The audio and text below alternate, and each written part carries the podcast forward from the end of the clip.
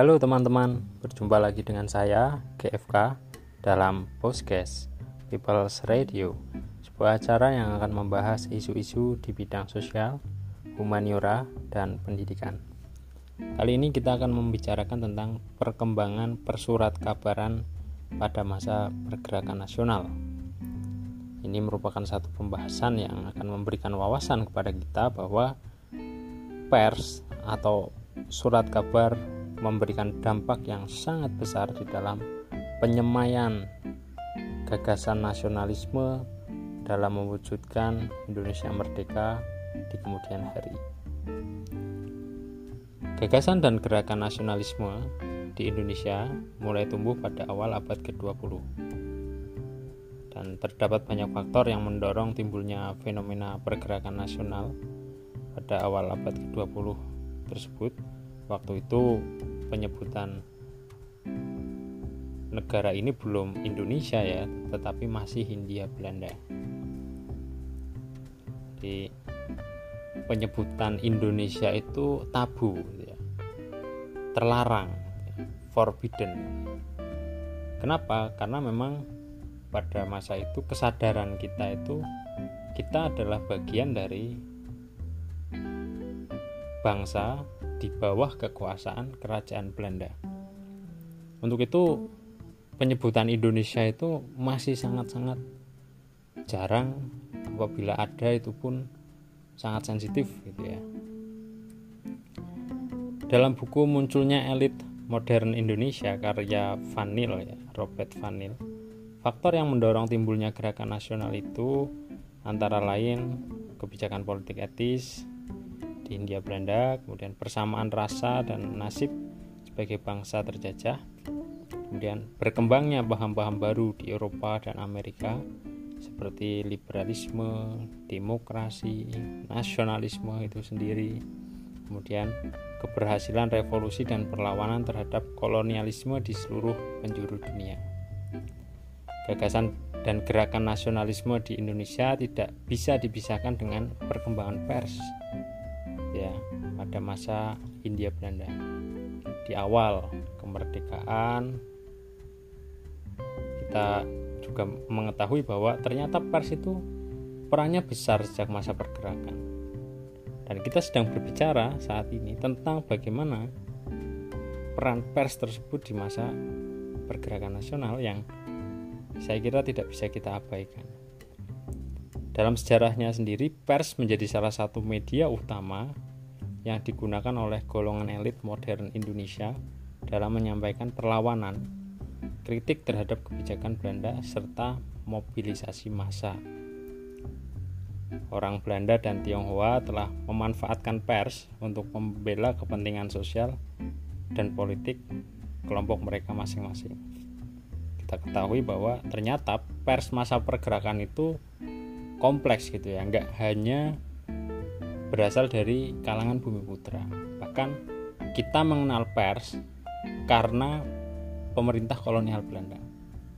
Waktu itu pemerintah punya pers untuk semacam agen penerangan untuk memberikan wawasan dan pengetahuan kepada masyarakat tentang pencapaian-pencapaian pemerintah kolonial. Di samping itu juga ada pers Tionghoa gitu ya. Mungkin kita pernah menyinggung sedikit di episode yang lalu tentang bagaimana peran kelompok Tionghoa.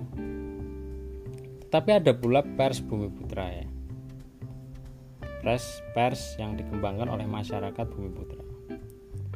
Nah, salah satu tokohnya Tirto Adi Suryo ya, yang merupakan masyarakat Bumi Putra yang sadar tentang pentingnya pers dalam membela kepentingan sosial dan politik. Tirto Adi Suryo ini adalah tokoh yang digambarkan Pram dalam tetraloginya sebagai Minke. Ya. Kalau kita baca tetralogi Buru karya Pramudia Anantatur maka kita mengenal sosok dari Tirto Adi Suryo atau Minke. Ya. Ia adalah e, seorang keturunan Ningrat punya gelar ya Raden Mas Tirto Adi Suryo lahir di Cepu, Blora. Gitu. Nah, gagasan Tirto Adi Suryo tentang uh, pers ini cukup berpengaruh di awal-awal pergerakan kebangsaan. Pada tahun 1906, Raden Mas Tirto Adi Suryo mendirikan Sarekat Priai dan menerbitkan surat kabar Medan Priai di Bandung pada 1907. Selain itu, Tirto juga menerbitkan Putri Hindia sebagai majalah perempuan pertama di Indonesia tahun 1908. Dari majalah ini kita kenal gagasan dari Tirto Adi Suryo ini bukan hanya mendorong uh, perwujudan dari cita-cita patriarkis atau kaum bapak orang laki-laki saja tetapi juga ada kepentingan kaum ibu yang coba digagas dan direalisasikan tidak salah ketika Pram itu menyebut Raden Mas Tirto Adi Suryo atau kita kenal juga dengan Minke itu sebagai sang pemula gitu. yang memulai ya, yang memulai derap pergerakan kebangsaan. Kemudian kritik terhadap kebijakan pemerintah kolonial dan perkembangan gagasan kebangsaan semakin ramai diberitakan oleh pers Bumi Putra menjelang 1920. Di kawasan Sumatera, Keberadaan surat kabar utusan Melayu dan suara perempuan menjadi wadah untuk melawan kolonialisme di Indonesia bagian barat atau di Hindia Belanda bagian barat dengan semboyan kemerdekaan. Seperti yang tadi saya sampaikan bahwa istilah-istilah yang provokatif seperti Indonesia, kemerdekaan, kemudian perlawanan, istilah-istilah keras yang lain itu bisa menjadikan seseorang dicap sebagai pemberontak. Kalau zaman sekarang mungkin radikal. Pers pada waktu itu sebagai corong untuk kaum pergerakan. Menyuarakan aspirasinya itu sangat efektif. Karena pada waktu itu pers ini bisa diibaratkan sebagai media sosial ya. Untuk berkomunikasi, mengkomunikasikan ide gagasan gitu ya antar tokoh kadang juga bertukar ide berdebat dan sebagainya di pers itu. Dan menjadikan pers ini menarik gitu ya dan menjadi media yang bisa diandalkan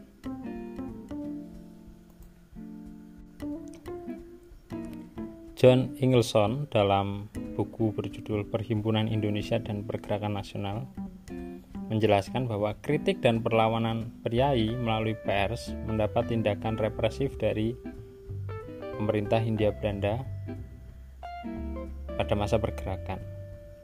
Pada tahun-tahun tersebut, banyak terjadi pemberedelan surat kabar dan penahanan tokoh pergerakan nasional seperti Ki Hajar Dewantara, Cipto Mangunkusumo, Abdul Muiz, Maun, dan Tirto Adi Suryo itu sendiri. Nah, Tirto Adi Suryo pada 1912 diasingkan oleh Belanda ke Maluku karena kritik dan tulisan yang ia muat dalam surat kabar miliknya. Selain itu, Ki Hajar Dewantara juga ditangkap pada 1913 karena kritik tajamnya yang dimuat di surat kabar The Express yang berjudul Als ik eens Nederlander was atau dapat diartikan seandainya saya seorang Belanda. Ini merupakan satu kritik atas perayaan ulang tahun kerajaan Belanda di Hindia Belanda. Jadi pada waktu itu kerajaan Belanda sedang berulang tahun dan dirayakan di koloninya ya, di Hindia Belanda. Nah, ternyata suara dari Ki Hajar Dewantara ini yang tulisannya itu menggambarkan bagaimana masyarakat kolonial ini menderita atas penghisapan, eksploitasi gitu ya justru pemerintah kolonialnya itu merayakan atau berpesta di atas penderitaan rakyat. Lalu Ki Hajar Dewantara membayangkan seandainya saya seorang Belanda, ya, seandainya saya seorang Belanda itu kalau bahasa sekarang itu satir gitu ya. Seandainya saya presiden misalnya, dan pada waktu sangat sensitif dan isinya dianggap sebagai representasi dari gerakan yang ekstrim gitu ya. Sehingga Ki Hajar Dewantara ditangkap. Sebelum saya lanjutkan mungkin bisa menjadi tema diskusi ya yang bisa saudara beri komentar di forum diskusi yang telah disediakan. Bagaimana pers pada masa Hindia Belanda itu berkembang gitu ya. dan apa ya, faktor yang membuat pers pada masa itu berkembang sangat pesat? Nah itu silakan dijelaskan dengan fakta historis yang saudara himpun atau bisa dapatkan dari berbagai sumber kemudian kembali lagi ke peran Tirto Adi Suryo ya saya ingin memberikan sedikit frame dari tokoh sang pemula ini yang memberikan dampak besar di dalam kehidupan pers pada masa pergerakan. Tirto Adi Suryo sendiri dinilai oleh Marco Kartodikromo atau Mas Marco Kartodikromo sebagai seorang mentor di dalam pergerakan dan perkembangan jurnalistik ya. Di Tirto Adi Suryo ini di, sudah dianggap sebagai seorang guru ya, oleh Mas Marco. Mas Marco Kartodikromo sendiri memiliki kiprah yang sangat cemerlang di dalam uh, kehidupan jurnalistik masyarakat Bumi Putra pada waktu itu. Ya dikenal sebagai tokoh yang pemberani ya di dekade kedua abad ke-20 pernah menimba ilmu langsung kepada Tirto saat berkarir di surat kabar Medan Priai. Marco pernah menulis sebuah artikel berjudul Mangkat tidak lama setelah Tirto wafat. Hanya saja yang menjadi sorotan adalah sang pemula meninggal dunia dalam kesunyian dan keterpurukan lantaran mengalami depresi akut akibat perlakuan pemerintah kolonial terhadapnya. Nah, di sini kita tahu bahwa dari apa yang Marco gambarkan kematian Tirto Adi Suryo itu penuh dengan penderitaan ya, akibat perlakuan pemerintah kolonial yang menilai bahwa gerakan atau tindakan-tindakan yang dilakukan oleh Tirto Adi Suryo itu telah membahayakan pemerintah kolonial kritik-kritiknya yang sangat tajam terhadap kebijakan pemerintah kolonial kemudian apalagi bagaimana caranya mengekspos kehidupan masyarakat kolonial yang Eh, serba kekurangan dan penuh penderitaan. Dan pada masa awal itu kita juga mengenal istilah jurnalis perintis.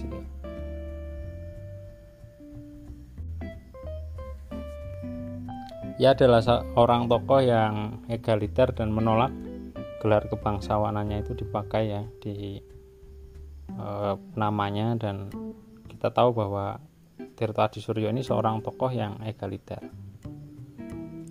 Kemudian ia merupakan salah satu petarung di medan media ya.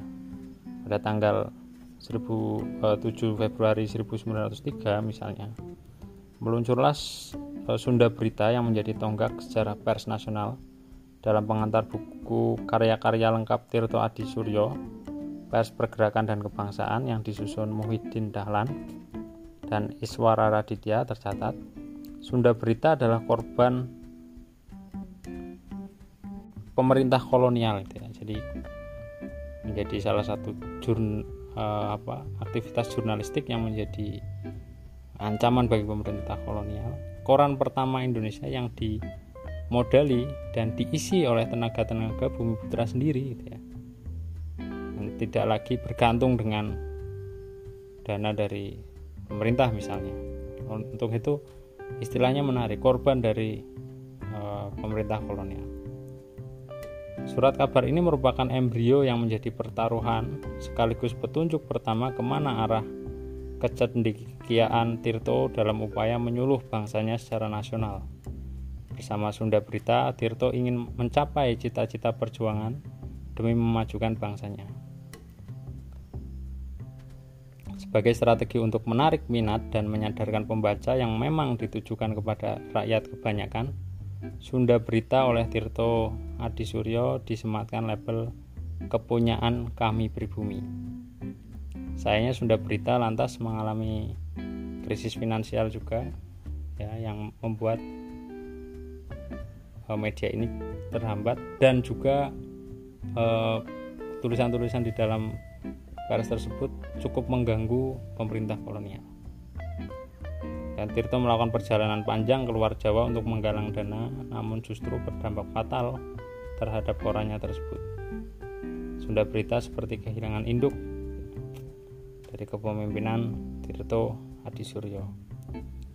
Kemudian tidak lama Tirto kemudian meluncurkan Medan Priai.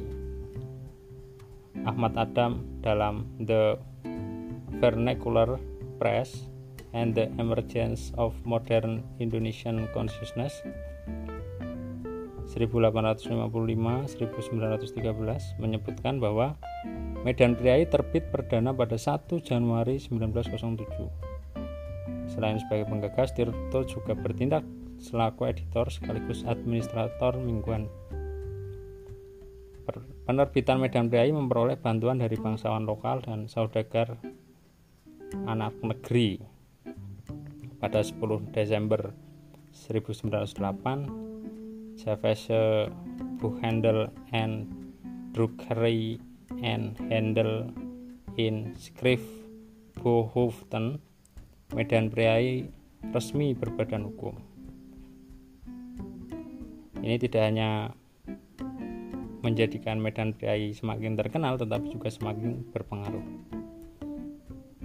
Kali ini tak main-main Medan Priai dan Suluh Keadilan menjadikan Tirto sebagai orang Indonesia pertama yang menyuluh rasa kesadaran berbangsa Bumi Putra melalui kuasa media. Dalam konteks ini, ia memperkenalkan apa yang sekarang disebut sebagai jurnalisme advokasi.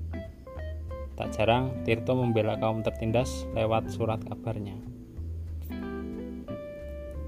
Medan Priai ibarat kendaraan perang bagi Tirto untuk bertempur di medan jurnalistik, bahkan sejak era pemberita Betawi dan Sunda Berita. Cukup banyak pejabat, baik dari kalangan kolonial maupun pribumi, yang dalam istilah Marco muntah darah akibat tulisan-tulisan tajam karyanya. Pak Andi Suwirta dalam suara dari dua kota menjelaskan bahwa tulisan dan pandangan yang dikemukakan Tirto membeberkan tentang kesewenang-wenangan para pejabat sepak terjang macam ini ternyata berakibat buruk baginya. Nah, karena itulah kemudian Tirto terjerat oleh perkara delik pers dan diajukan ke meja hijau pada penghujung 1912 ia diputuskan harus menjalani hukuman pengasingan. Ya, sepulang dari pembuangan, dan kembali ke Batavia pengaruhnya sudah hilang ya. Harta bendanya sudah habis gitu. Kemudian depresi akut menjangkiti Tirto di tahun-tahun terakhir masa hidupnya.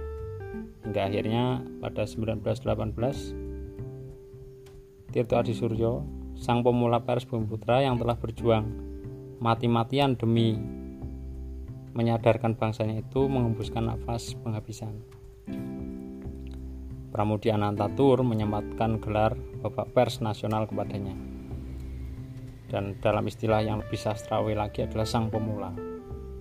Ya bagaimana kita melihat dari kisah Tirto Adi Suryo itu pers pada masa pergerakan nasional menjadi salah satu kekuatan yang paling menakutkan bagi pemerintah kolonial. Karena di dalam pers itu ada aspek komunikasi, apa yang dikomunikasikan ide gagasan tentang kebangsaan kemerdekaan pada waktu itu sudah mulai dibicarakan dan bagi pemerintah kolonial itu momok gitu ya sebuah bom waktu yang satu ketika akan menjadikan mereka itu hancur gitu. mereka sudah tahu itu akhirnya tokoh-tokoh yang terlibat dalam pers kemudian terkenal kritis itu dihabisi. Nah saya kira mungkin jika diibaratkan pada masa sekarang kita mengenal media sosial ya. Kemudian ada yang terjerat UU ITE dan sebagainya. Itu mungkin salah satu gambaran bagaimana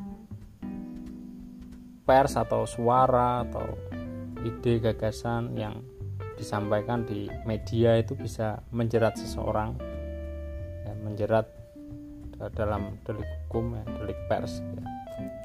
dan begitu pula dengan Tirto Adi Suryo pada masa itu nah dalam perkembangan berikutnya se peninggalnya Tirto Adi Suryo itu tidak menyurutkan perlawanan kebangsaan justru memperkuat perlawanan kebangsaan hingga nanti kita mengenal bagaimana pers Bumi Putra dan pers masyarakat Tionghoa itu bahu membahu untuk terus menopang pergerakan kebangsaan. Saya kira itu yang dapat saya sampaikan. Terima kasih sudah mendengarkan podcast ini. Sampai jumpa di episode berikutnya. Tetap semangat dan salam sehat.